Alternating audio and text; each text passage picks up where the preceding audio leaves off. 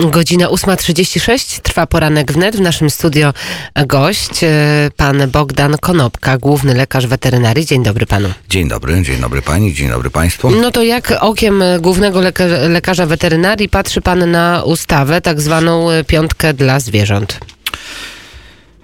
Ja jako główny, e, główny lekarz weterynarii chcę wyrazić duże uznanie i szacunek dla osób i organizacji dbających i domagających się słusznych praw zwierząt. Z nimi trzeba rozmawiać w oparciu o wiedzę. Emocje prowadzą na manowce.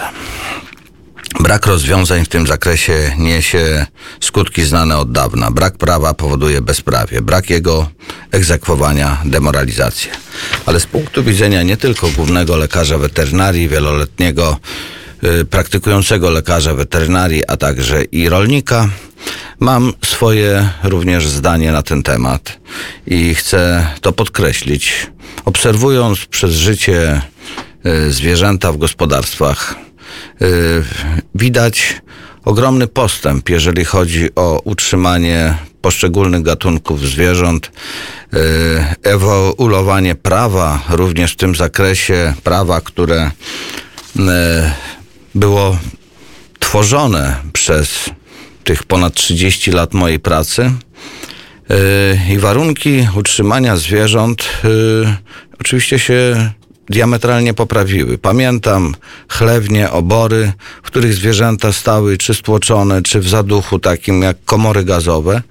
Dzisiaj zupełnie, lepiej, tak? dzisiaj zupełnie świat Ale- inaczej wygląda. Ale mm, główna sprawa, jeżeli chodzi o tę piątkę dla zwierząt, to są fermy zwierząt futerkowych oraz sprawa uboju rytualnego. To są te dwie kluczowe rzeczy. Jak wygląda w rzeczywistości? Czy pan był na takich fermach? Czy pan widział takie fermy zwierząt futerkowych? Czy jest to tak, jak przedstawione w filmie e, opublikowanym przez portal Onet? E, Z tym się zupełnie nie zgadzam, ponieważ e, mam również doświadczenie, jeżeli chodzi o utrzymywanie zwierząt mięsożernych czy futerkowych. Analizowałem ten film z zootechnikami, z profesorami, minuta po minucie, sekunda po sekundzie. Mam y, mnóstwo spostrzeżeń. Ten film został zmanipulowany.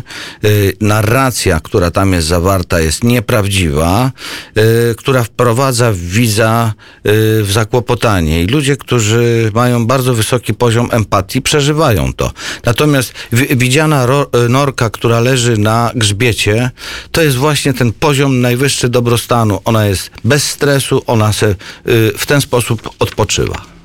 Czyli y, jak jest w rzeczywistości na tych farmach zwierząt futerkowych w Polsce? Pani redaktor, y, tak jak w życiu, y, jeżeli ktoś chce pojechać lewą stroną drogi, to może taki sposób wybrać, ale generalnie hodowcy dbają o swoje zwierzęta. Generalnie dbają o swoje Państwo, zwierzęta. państwo jako inspekcja jeżdżą do takich ferm zwierząt futerkowych? Dużo mają Państwo interwencji? Jak to wygląda? W tej chwili na, w tej chwili jest około 800 ferm zwierząt futerkowych w Polsce. To są kontrole okresowe lub doraźne, w zależności od potrzeb. Jeżeli y, są warunki, y, które y, wymagają poprawy, gdzie jest wydana decyzja, gdzie są nakładane kary przez inspekcję weterynaryjną, tam trzeba zwiększyć częstotliwość y, kontroli, ponieważ wynika to z analizy ryzyka. Ale nie można uogólniać, że jest tam źle, ponieważ każdy właściciel, każdy hodowca wszystkich zwierząt gospodarskich musi dbać o nie, bo jeżeli chcemy, żeby ta skóra tego zwierzęcia mogła być sprzedana, musi być lśniąca, duża, ładna, więc zwierzę musi być odpowiednio odżywione, zes, odpowiedni zestaw e, komponentów e, w, e, w karmie musi być, żeby to było wszystko. e, Pan y, był. y, Wszystko dobrze zorganizowane, dokończę pana zdanie. Y, Pan był y, na pracach komisji w Sejmie. Jak to wszystko wyglądało, y, jeżeli chodzi o, o te sprawy od kuchni trochę? No więc y, to była komisja, która trwała od godziny 20.30 do godziny 7 rano. Y, Każdy y, artykuł ustawy o ochronie zwierząt był mm, rozbierany na czynniki pierwsze, był omawiany. Y, No, trwało to bardzo długo. Komisja wnosiła pewne poprawki. Ja, reprezentując ministra, byłem obserwatorem. Głównie praktycznie nie zabierałem głosu, oprócz, oprócz, oprócz tego, tego, że zaproponowałem i w, poparłem inicjatywę, aby wszystkie zwierzęta domowe y, były trwale oznakowane poprzez chipowanie. W ten sposób zapobiegamy bezdomności i tworzeniu y, dużej ilości Jakie schronisk. skutki ta ustawa będzie miała dla, dla, dla branży drobiarskiej?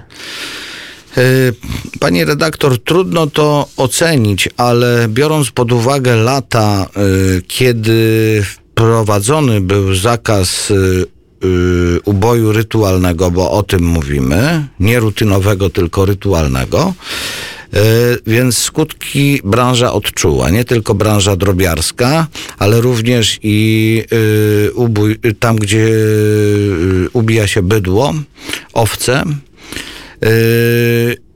I po dwóch latach, właściwie po dwóch latach, ten ubój został z powrotem dopuszczony, ponieważ yy, Trybunał Konstytucyjny uznał ten zapis ustawowy za niezgodny z Konstytucją.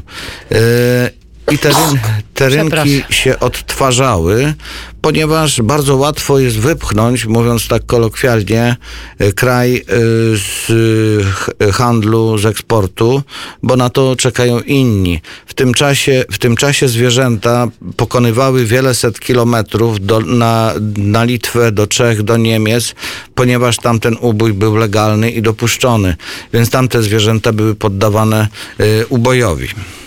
Mm, To, to, to, to jest jed, jedna sprawa, to jest jeden aspekt tej sytuacji, a jeżeli chodzi o e, ubój rytualny, czy to będą duże straty dla polskiego rolnictwa? E, Na pewno tak, ponieważ e, z tym jakieś tam odszkodowania będą się wiązały, a poza tym chodzi o ciągłe dostarczanie na rynek, na rynki krajów muzułmańskich. Mamy dopuszczonych, zatwierdzonych przez te kraje, mm, przez te kultury religijne, 50 rzeźni, halal i koszer. E, na przykład w ubiegłym roku e, mięsa białego, czyli pochodzącego od drobiu, e, wysłanych było ponad 700 przesyłek do 21 krajów, e, co dawało e, wagowo 14 tysięcy ton. Natomiast mięsa czerwonego w 2019 roku do 19 krajów 600 przesyłek 12 tysięcy ton. To są kraje trzecie. To są kraje trzecie. Natomiast y, Polska obsługuje rynek wspólnotowy. Tutaj te wszystkie kraje y, Unii Europejskiej jesteśmy dużym dostawcą y, właśnie dla No tych i co grup teraz ci rolnicy mają zrobić? Tego nie wiem, więc ja słyszę głosy oburzenia. Na pewno to jest jakiś cios w gospodarkę. Niemniej jednak. Niemniej jednak te właśnie rozmowy trwają od lat, od jeszcze sprzed wojny, kiedy niektóre kraje zak- zakazywały, tak jak Szwajcaria, Norwegia jeszcze przed wojną, y, Niemcy. Y, w Polsce ten temat odżywa od czasu do czasu. No i teraz y, z, No właśnie, jak jest z ubojem rytualnym w Unii Europejskiej? Jest zakazany, czy jak to wygląda? Jest tylko chyba w Wielkiej Brytanii, a tak jak to wygląda w poszczególnych krajach, y, nie potrafię dokładnie odpowiedzieć, ale chcę powiedzieć, że polska inspekcja weterynaryjna jest y, fundamentem nowoczesnego państwa, państwa członka Unii Europejskiej i ona wymaga dofinansowania, wzmocnienia kadrowego, ponieważ ilość przesyłek, ubojów, y, y, y, wszystkich produktów pochodzenia zwierzęcego jest tak przeogromna, że jeżeli pani redaktor chce, to mam w głowie te cyfry. No to by jakąś powiedzieć. cyfrę, proszę powiedzieć. No na przykład y, w ubiegłym roku, w 2019 ogółem poddano ubojowi miliard 430 milionów 529 tysięcy 655 sztuk zwierząt. W tym są zwierzęta kopytne, czyli świnie, bydło, owce, kozy i drób, który oczywiście ma największą pozycję ponad miliard. To są liczby, jaka będzie przyszłość pana szefa, pana ministra Jana Krzysztofa Ardanowskiego? Ja myślę, że taka jak jest, że będzie nadal ministrem rolnictwa, bo jest najlepszym ministrem rolnictwa, jakiego Polska miała, który jest również popierany przez rolników, a to dotychczas nie było takiej sytuacji, żeby rolnicy byli murem za ministrem. Murem za Ardanem pojawiło się też takie hasło. Ja tak nie mogę mówić. Murem za ministrem Ardanowskim na pewno jest pan Bogdan Konopka, który był gościem poranka główny lekarz weterynarii. Bardzo dziękuję. Dziękuję bardzo. A teraz króciutko Ray Charles.